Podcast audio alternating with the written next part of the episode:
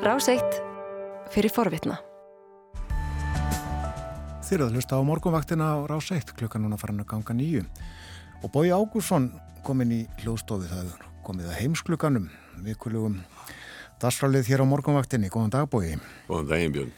Við ætlum til færiði dag en uh, hafa samt stutt stopp í, í Brussel, já eða Luxemburg, er ekki Európa-dónstólinn í Luxemburg? Jú, er það ekki. Mannreitnindadónstólinn er í Strasbourg. Já. En uh, já, hann hvað upp dóm í ger?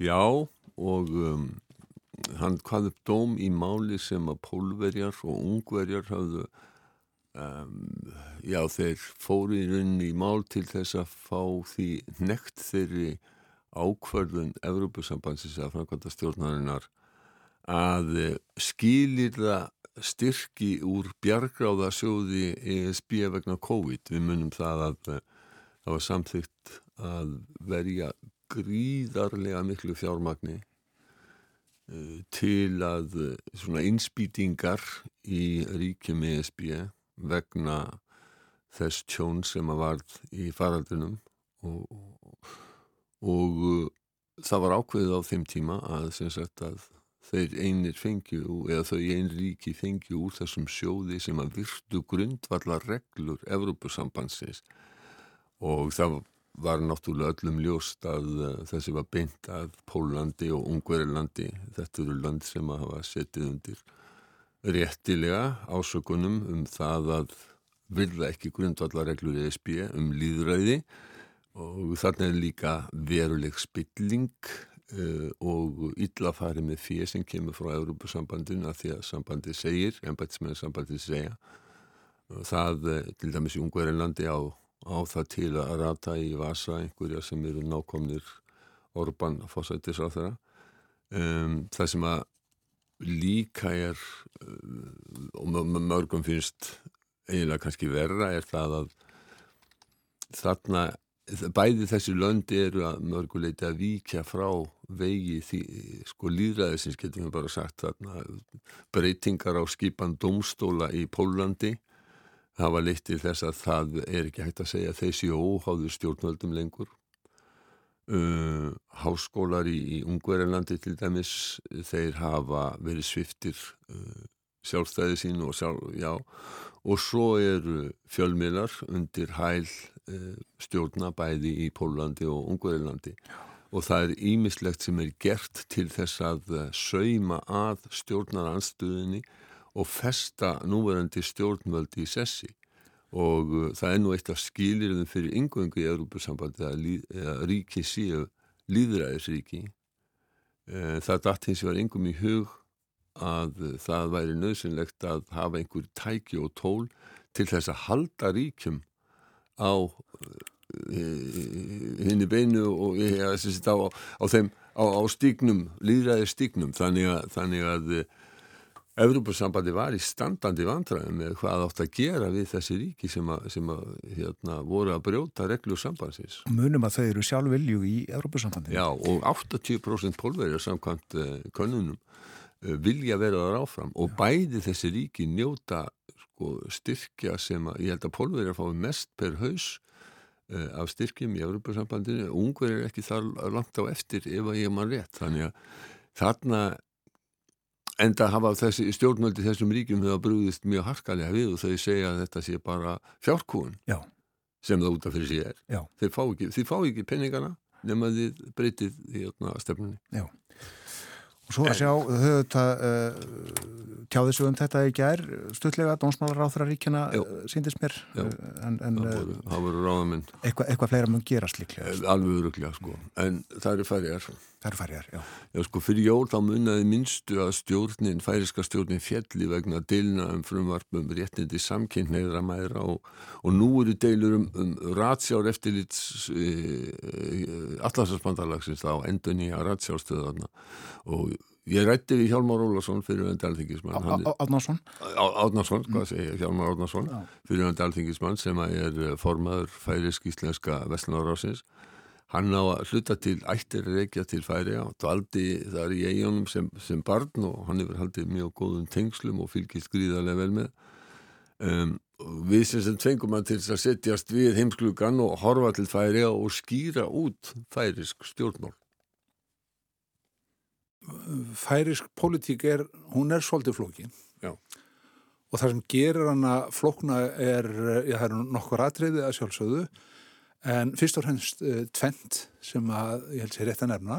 Það er annars vegar að, að færiðar eru hluti af Danmarku hvort sem mannum líkar betur eða verð og uh, er, það eru svona tveir ásar, það eru að uh, þeir sem vilja sjálfstæði og þeir sem ekki treysta sér í sjálfstæði. Sagt, uh, þjóðvildisflokkurinn versus sambandsflokkurinn og innan þeirra er eðlilega uh, ólík svona uh, pólitísk sjónamið, Þa, þar kemur hinn ásinn sem er svona hægri og vinstri og uh, við getum sagt að svona vinstri flokkurinn þar eru kratarnir og hægri flokkurinn þar er, er, er fólkaflokkurinn. Og síðan kemur hinþátturinn sem að hefur gífurlega mikil áhrif á færiska pólitík og það kom nú uh, glegst fram í þessu máli með uh, réttindi samkynneðra mæra. Það er miðflokkurinn undir fórustu Jánis Avrana sem að uh, uh, hann kemur úr því sem er kallað biblíubeltið sem er, svona, uh, er mikið í kringum skálafjörð og svona uh, sértrúarsöfnuðir og trúneigð er mjög sterk í og ríkjandi í, í færiðjum sem að líklega byggir uh, eiginlega átvennu annars vegar þessari nálægð við náttúröflin bara eins og við þekkjum í vestmanníum og sumstæri Nóri þar sem að óvissan og óttin við náttúröflin er, er stöðut yfir óandi. Og þessi öfl voru líka mjög sterk á Jólandi í Danmarku til dæmis? Já, og akkurat. Síðan er annar þáttur sem að hefur eitt eins og baptistar eru mjög sterkir í færum, sérstaklega í Klagsvík, næstæsta bænum. Og ástæðin fyrir því er svo að með baptistunum þá kemur í rauninni biblían á móðurmálunu því að í, í þessari lútesku kirkju, bara í kirkjunni svo mann segja, e, þar var messað á dönsku. Og ég sem polli í færiðjum var alltaf dregin í kirkju í Klagsvík á, á sunnudögum. Og þar var oftast nær dansku prestur og af því að e, messuhaldið eða biblían kemur á móðurmálunu í gegnum baptistana og ymsa af þessum sértrúasarnuðum þá er það svo margir sem halla sér að því og þar á meðal businessmenninir. Þannig að business og uh, baptistar er uh, mjög stert afl í færiðum og að þessum sértrúasarnuðum. En þetta er ekki, eins og Jánus að rana, miðflokkurinn er ekki stór.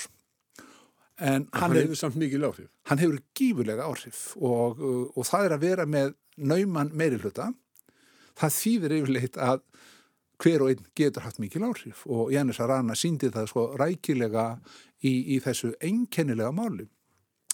Þar kemur inn í e, að e, uppgjör, það múi segja að e, íhaldsamari öll, íhaldsum öll hafa verið mjög sterk á, á svona ymsum sviðum eins og gagvart e, samkynneiðu fólki og réttindum þess.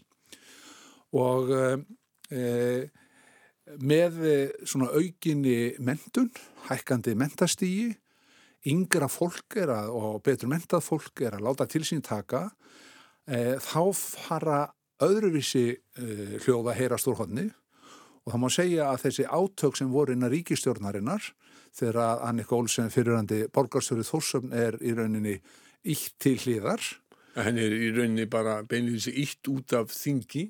Ítt út af þingi vegna þess að hérna, hún var með önnur sjónamið en þessi gömlu íhaldsömu og það gætt breytt e, sagt, frumvarfi e, frá minnulutanum og þá fer að stað þessi mikli einlega sirkus að, og þannig blandast inn í þetta sem við getum lært að færa engum ef þú verður á þeirra þá verður að segja þér þingmennsku. Þannig að aðgreining e, lögjafavalds og, og, og framkvæmdavalds er algjör. Og það er það sem að gerist með, með, með Anniku, hún fer inn sem var að þingmaður að því að annar þingmaður fólkaflokksins var þar á þeirra. En munurinn er bara sá að Annika hafði önru sjónamið, svona frjálslindari sjónamið en, en sá gamli og þegar að áreinir með þetta merkilega frumvarp um réttindi samkynniðra mæðra þá er uh, tekin ákvörðunum það að ráðherran verði aftur þingmaður og þar með fyrir Annika út. Og hann á rétt á því, þetta er sem sagt tímabundið sem hann hverfur frá þingmennskunni meðan hann eh, situr í uh, ríkistjórninu. Já, en þá gerist það að Bárður Stæk, lögmaður, þeirra fórsættisraða þeirra, sem að hefur nú, ja, sérstæðilega kannski pólitískum anstæðingum, hefur þótt hann svona heldur döfur, en hann tekur af skarið og segir ef að þið takir á þeirra út til þess að losna við anniku af, af þingi, þá fer sá sami einstaklingur ekkit aftur í ráðherrastólinn. Og var nú uppi fótur fitt og en það kemur nýrvaramadur og hann reynist hafa svipuð sjónamið þannig að málið fór í gegn á endanum þannig að alla þessar tilfæringar það er uh, urðu til einskís. En hvernig brúðust Jenni Savrana og miðflokkurinn við því? Hann hótaði stjórnarslítum og uh, í uh, ríkistofnar uh, sáttmálanum þá er tekið fram sem er, mér finnst reynda bjöð undarlegt að uh, flokkarnir þrýr sem að standa meiri hlutanum að þeir kyn, enginn verið að kynni sér sjónamið sín frammi fyrir alþjóð. Þetta verði bara konsensus á milli allra þryggja flokkanum. Og þetta var á skjön við það og hann hótaði stjórnarsleitum, ef þetta fer fram, þá uh, hótaði hann stjórnarsleitum. En það er nú svo oft vil verða að þegar mann siti í ríkistjórn, þá vilja mann hanga á því og enn lafi nú stjórnin með Janus Arana með flokkin um borð. En helsta deilumálið núna sem er kannski ekki deilumálið innan ríkistjórnarinnar, ég bara finnilega vita ekki, það er rætsjórnmálið. Já, og, og þar kemur enn þetta, þetta enginnilega. Það er þessi NATO upp í Mjörgadal, það sem hefur verið ratar frá, frá NATO og nú á að bæta hann og stækka og, og svo framvegis. Og þá uh, rýsa menn upp og segja, heyrðu, þetta er bara ákvörðun okkar færiðinga. En þar hafa þeir nefnilega ekki rétt fyrir sér því að þeir eru, hvort sem hannu líkar betur eða vel, þá eru færiðar hluti af danska ríkinu. Og auðaríkinsmál, þetta er varnarmál sem heyrir undir danska varnarmálar á þeirran og þá, það er í raunin ekki færiðinga að taka ákvörðun um það. Hvort sem þeir líkar betur eða vel. Þjóðveldisflokkurinn sem hefur megin mál á daskar ánáttúrulega að, að það er lausrýfing, að rýfa sér lausan frá dönum Þeir að vera svona heldur dabrir að, að undanförnu, þarna sjá þeir tækifæri til að stökka á mál og segja nú, og belgja sig út og segja nú þurfum við að standa í lappinnar. Og Þetta það er helst í fóristumar Högni Hóidal sem að var í, í, í gildi utanrikiðsráður og margir íslendika þekkja. Já, og mikil, mikil Íslandsvinnur og, og allt það og fóreindar mjög illa út úr síðasta kjörtíðanbili út af kvótamálum eða dagamálunum með, með, fiskidagan og svona umdu og hefur verið svona í döfaralagi en uh, sér þetta sem alveg kjöri tækifæri til þess að þennja sig og minna á það að við erum að berjast fyrir sjálfstæði færiða sem að, uh, jú, jú, það er gott og göfugt og vonandi textað einhver tíman, hins vegar heyrir þetta mál bara ekkit undir þá, þetta er varnamálaráðunitið, danska. Og uh, þannig stendur málið og það sem er samt svolítið skemmtilegt í kringu það, að með þeim þjóðvöldismönnum í þessu stendur, standa líka fólkaflokksmenn en af allt annari ástæðu. Og fólkaflokkurinn er hæriflokkur? Það er hæriflokkur og þó að þessi kannski ekki að segja að þjóðvöldisflokkurinn sé heitni vinstriflokkur, það, það sem samin er þá er bara þetta sjálfstæðis baráttan. Mm. En, en hann er samt sem áður í flokkabandalagi með vinstri grænum já, í Íslandi? Já, það er, hefur alltaf verið vinstri halli á honum. Mm. En nú er það hæriflokkurinn, fólkaflokkurinn, ymsir þar, þar eru businessmenninir þeir koma með uh, hérna, þjóðvilsmönnum og segja já, já, þetta er bara sjálfstæðismál okkar, okkar færinga og hvers vegna er það? Það er vegna þess að útgerðamenninir eru flestir innan fólkaflokksins og vilja ekki styggja rúsana. Því ef þeir styggja rúsana þá verður bara sett bann á þá eins og við höfum þekkt hér. Og það er náttúrulega rétt að minna á það að það var ekkit, rússar sett ekki innflutningsbann á færiskan fisk og færingar hafa hagnast gríðarlega á því á meðan að Íslandingar til dæmis hafi ekki geta flutt út fisk frá því hvað 2015 og þetta eru viðbröð rússa við efnahastlegu refsiaðgerðum sem að settar voru á þá uh, út af innrásinni og innlimun uh, krimskaðans. Há rétt og, og það er þetta sem að þeir vita uh, í fólkáflóknum og vilja ekki styggja uh, rúsana, líta á þá bara sem vini sína, við skipta vini sína í orðsins fyrstu merkingu og, uh, og gerir þetta svona svolítið skemmtilegt að svona vinstri hallandi flokkur og hægri flokkurinn þeir saminast um þetta en af ólíkum forsendum. Það eru þrýr flokkar í eh, ríkistjórninu, við erum búin að tala um fólkaflokkin, við erum búin að tala um miðflokkin. Hver er þrýr flokkurinn? Eh, það er, það er sambandsflokkurinn og lögmaðurinn, eh, Bárðar og Stæk, hann, hann kemur fyrir sambandsflokkin og já, sambandsflokkurinn er bara þessi gamli flokkur sem að hefur alltaf haldið því fram að það væri Uh, hagsmunir færinga væri betur tryggðir innan ríkjasambandsins, innan danska ríkjasambandsins. Og uh, hann á alltaf sína, svona, sína stöðnismenn en eftir uppákomuna með Annika Olsen sem var borgarstjóri í, í Þórsöfn þá hefur hafa stjórnarflokkanir, sérstaklega fólkaflokkurinn, verið í frjálsöfalli. Fólkaflokkurinn kom mjög sterkur út úr síðustu kostningum en það er upplösnar ástand þar. Eh, Annika er, er vinsæl, Bárður á stæk sem lögmaður hefur ekki þótt vera nógu svona afgerandi. Og uh, þess vegna eru stjórnarflokkanir að fara svona heldur ítla út úr þessu nema Jannis Arana, hann heldur sínu alltaf en uh, á móti eru kratarnir á hraðri upplið, mm. sangur skoðanakonunum. En það virðist uh, vera megn óanæja með framgöngu formans fólkaflokksins Jörgens Niklassens í öllum þessum í, í þessari stjórnarkreppu við getum kallað svo fyrir uh, jól og, og uh, formaður uh, stærsta já getum við sagt flokks flokksdeildar fólkaflokksins bara beinleginns líst eftir því að það er því skiptum forman.